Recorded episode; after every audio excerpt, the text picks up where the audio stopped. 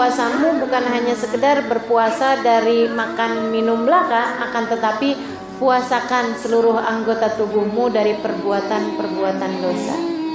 Puasakan mata dari melihat haram, puasakan telinga dari mendengar yang haram, dan terutamanya ini nih, lisan nih.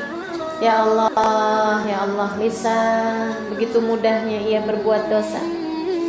Belajar untuk berpuasa, memuasakan lisan dari membicarakan aib orang lain, memuasakan lisan dari riba, dari namimah. Begitu mudahnya ya lisan-lisan kita ini kemudian menyebutkan aib-aib orang lain.